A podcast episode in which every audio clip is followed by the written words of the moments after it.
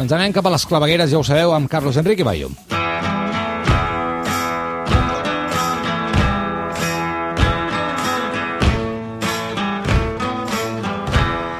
Molt bona tarda, Carlos Enrique Bayo. Molt bona tarda a tothom. Avui, mira, començarem la secció una mica al revés, perquè per tancar a vegades li fem un aplaudiment a Carlos Enrique Bayo. Avui ho farem al revés, li tirem aquest aplaudiment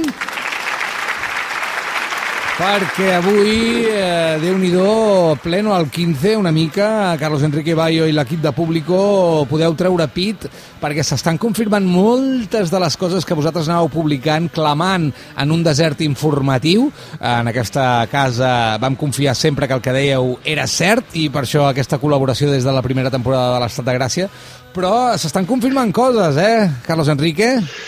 Eh, Sí, sí, todas. Bueno, eh, hoy eh, se han confirmado dos. Una, que el, juez y los fiscales del, del caso tan de Villarejo han decidido investigar finalmente a nuestro tan conocido José Luis Olivera Serrano, del que tanto he hablado. Porque después de, se ve que ningún fiscal había leído en estos últimos cuatro años y medio lo que publicábamos Patricia López y yo, porque acaban de descubrir que colaboraba con Villarejo en tapar todas las causas de corrupción del, del PP, como Brugal y como Gürtel, pero además, eh, al destaparse el secreto del, de- del sumario y aparecer todas las grabaciones, aparecen las grabaciones en las que este señor, que fue el director de la UDEF y que investigaba también supuestamente el 3%, él se llevaba el 5%, el 5% de las, de las operaciones de, de Villarejo. Bueno, en uno de los momentos, eh, Rafael Redondo, que el abogado y cómplice principal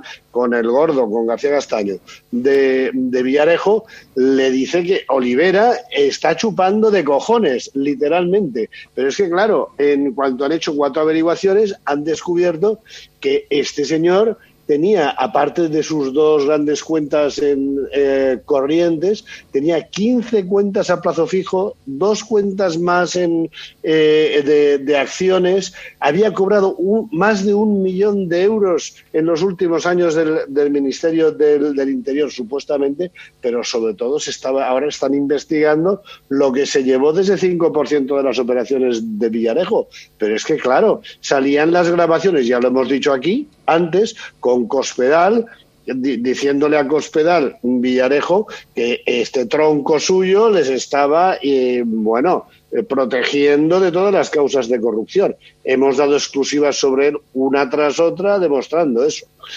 Pero es que hoy ha habido también otra, espera, espera, otra espera, muy espera. buena. No, no, no, no, espera, espera, espera. Quedem-nos un moment amb, amb José Luis Olivera, eh, gaudint d'aquest moment, un segon, tu ho has explicat per activa i per passiva, però eh, a vegades passa aquesta cosa quan surten tants noms, i sobretot quan surt el nom de Villarejo, de sobte sembla que tots els noms que dius a continuació o abans de Villarejo siguin eh, bàsicament gent del carrer, mafiosets que tenen a veure amb una xarxa estranya. Però estem parlant de José Luis Olivera, era un policia que tenia el màxim càrrec dintre de la policia.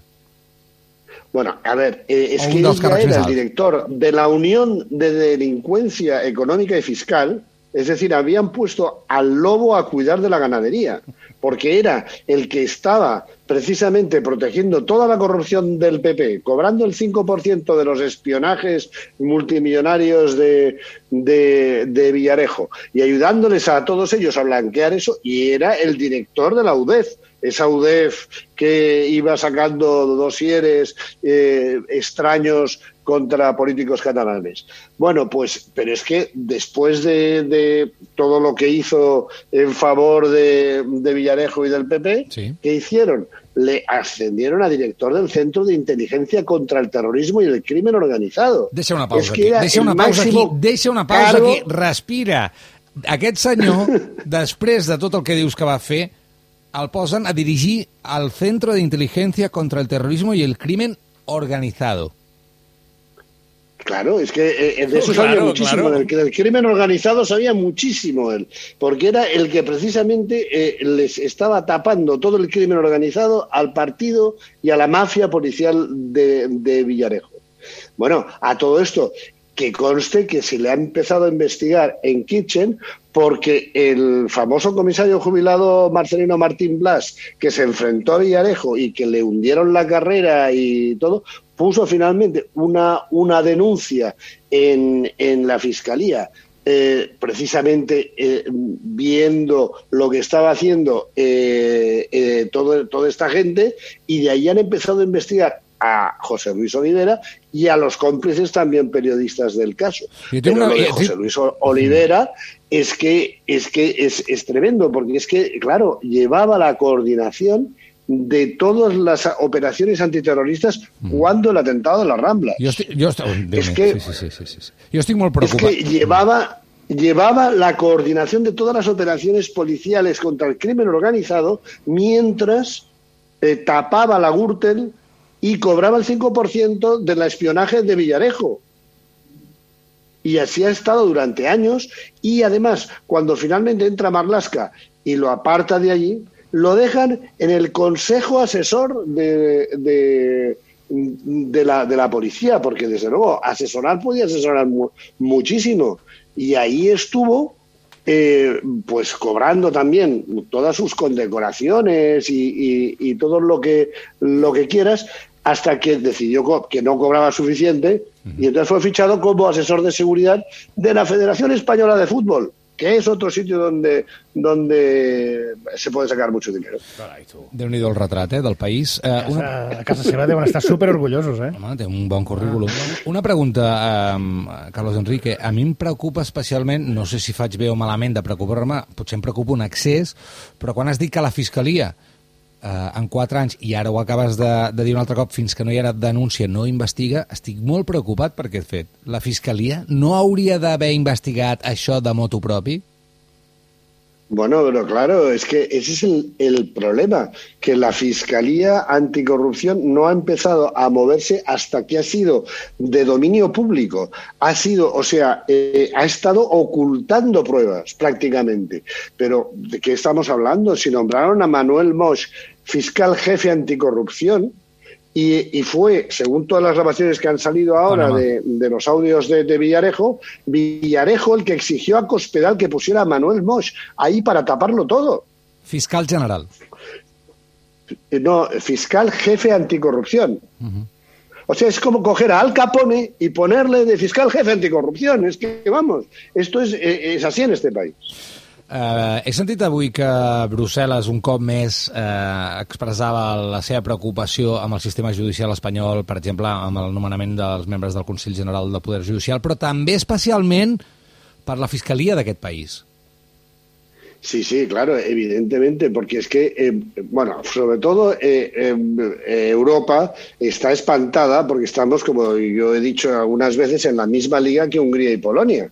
Claro, eso, eh, de nuestra modélica transición, nuestra democracia ejemplar y nuestra impecable justicia lleva eh, desde, desde el año 2014 negándose a cumplir una sola de las recomendaciones del Grupo de Estados contra la Corrupción, de, que son de la OCDE, y son 37 países que exigen a España que ponga en orden el, el Poder Judicial que, entre otras cosas, defina cómo se ascienden, promueven y nombran a los altos cargos en el, en el, en el Poder Judicial, que no tienen ninguna normativa más que que se hace a dedo y arbitrariamente por votación de ese Consejo General del Poder Judicial, que en estos momentos, hace dos años que preside fuera de plazo el señor Carlos Lesmes, Carlos Lesmes estuvo de alto cargo de director general del gobierno de Aznar durante los dos mandatos de Aznar. Es que parece que nos olvidamos de todo en este país. Mm.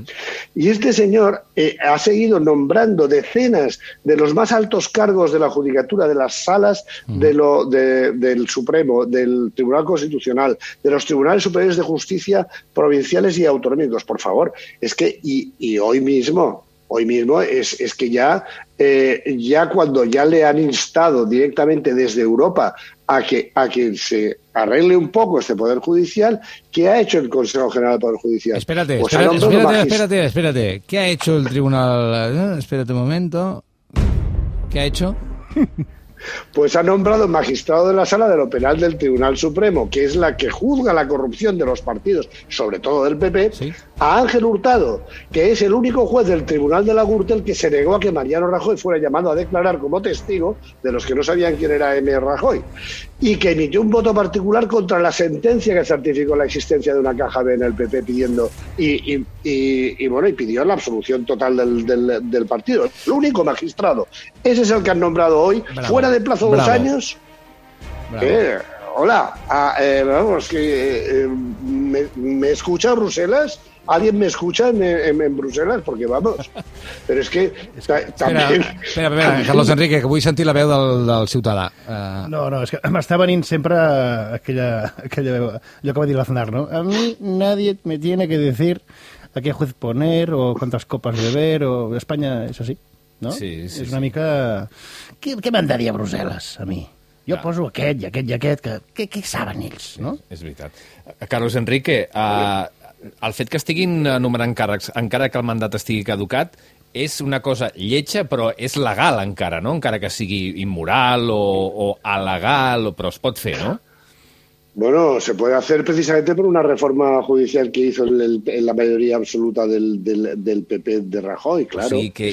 ¿Por qué? Porque lo, lo, han seguido haciendo así, se garantizaban que al bloquear, porque claro, como para renovar el Consejo General del Poder Judicial se necesitan dos tercios de los, de los votos en, en el Congreso, sí. aunque ya solamente tenga eh, 85 de los 350 escaños, el PP puede seguir bloqueando esa renovación. Y entonces, como se las veía venir Rajoy, como se ven las grabaciones de, perfectamente de, Villarejo, como se lo veía venir Rajoy, hicieron una reforma eh, legislativa para que pudieran seguir nombrando to todos esos, esos cargos. Y, y, claro, es que eh, han ido nombrando a gente Vamos, es que han, han, puesto allí además a lo más inepto de la carrera, solo porque son, son fieles. Es decir, a la, a, la, a, la, a la magistrada Carmen Lamela, que ni estaba cualificada, ni había hecho ninguna sentencia en su vida, que además había hecho las euroórdenes precisamente contra Puigdemont, etcétera, tan mal que tuvieron que retirarlas y tal, que, que además se arrogó y usurpó las atribuciones del Tribunal Superior de Justicia de, de Cataluña, y bueno, y sobre todo, que mantuvo durante dos años a, Francisco, a Sandro, perdón, a Sandro Rosell en, en, la, en la cárcel. Eh, eh, y luego, ahora, bueno, Sandro Rosell ha presentado una querella por prevaricación y falsedad documental contra ella. Ella es una de las que está en la sala de lo penal del Supremo que decide en parte. Eh, bueno, es que es que es ya en tranquilo, la. Tranquilo, Carlos Enrique, tranquilo. Fer des de baix? Des de, de la justícia europea. Mira, aquesta és una bona pregunta, Carlos Enrique. Mira què diu el, el ciutadà. Què, què podem fer els ciutadans des de baix de tot? Què, què, què podem fer? Clar, això no es vota. Això no es vot, vull dir, no sé, vull dir, pff, clar, si surts a manifestar-te que... potser també surts escaldat. Bueno, es que, bueno, no, lo único que se puede hacer es recurrir a Europa una y otra vez, que es lo que se hace. Eso, eso claro, eh, en estos momentos sigue pendiente en, en Europa, que lo comenté alguna vez aquí, una, una querella por prevaricación contra todos los miembros del Consejo General del Poder Judicial, eh, eh, incluido el ascenso de la magistrada eh, la, la, la, mela, claro, eh, o, o, cómo pusieron allí a, a, al frente de, de, de todo el, el, el. Pero sobre todo es porque en general es por un delito continuado de prevaricación por la ejecución de un plan tendente a alterar la garantía, la garantía de la imparcialidad y de la independencia judicial. Todos los miembros del Poder Judicial propusieron y aprobaron la cobertura de los órganos más sensibles de la pirámide jurisdiccional con miembros de la carrera judicial seleccionados por su perfil y su posicionamiento ideológico para garantizarse el enjuiciamiento por medio de magistrados afines al Partido Popular de todas las causas de corrupción. Esto tiene que resolverlo Europa y todavía no lo ha resuelto. Pero es que es, que es abuso sistemático del Poder Judicial. Es que no somos una democràcia, entonces. Doncs aquesta és una mica la conclusió a la que arriba Carlos Enrique Bayo i llegim molt ràpidament l'últim tuit que també confirmava alguna de les coses que eh, porta publicant Carlos Enrique Bayo, Patricia López i la gent de Público i que expliquen aquí a l'Estat de Gràcia. Llegeixo. No me lo puedo creer, diu Carlos Enrique Bayo, la Fiscalía acaba de descubrir que Villarejo controlaba periodistas y medios de comunicación que eran cómplices de su mafia. Qué pena que ningún fiscal leyera nada de lo que llevamos publicando Patricia López y yo desde hace cinco años. Villarejo controlant periodistes, eh, amb dos minuts, explica'm això, quins periodistes... Bueno, es que nosotros publicamos hace cinco años que eh, él mismo hizo un informe firmado por él de su puño y letra a la Dirección General de la Policía hablando de sus periodistas infiltrados que le, que le garantizaban cómo iba a, a ser la portada del diario El Mundo del- del- de los lunes. Pero es que, claro, de ahí han salido todos los que Pedro J fue, digamos, amamantando. Y de ahí está Eduardo Inda, Esteban Ur- Urriztieta, está, eh, eh, bueno, Manuel Cerdán, el que ha publicado las grabaciones. Ahora se han dado cuenta de súbito de que están algunos medios como OK Diario publicando audios del- de, y filtraciones de las grabaciones realizadas de forma clandestina por el propio investigado Villarejo, intentando influir en la investigación. No me digas, pero qué Y claro, que cuando nosotros... És el Miguel cuando Bosé amb nosotros- arguments, és el Miguel Bosé amb raó. Sí, sí, sí. No me digas. Pero es que es, es- es que es que yo no me lo puedo creer, vamos. Es que eh, cuando en eh, enero del, del 2017 anunciamos que había un chantaje a la Casa Real con la grabación de Corina, dimos un audio que lo demostraba porque García Castaño de su propia voz hablaba con también de su propia voz Eugenio con Eugenio Pino, el director adjunto operativo de la policía,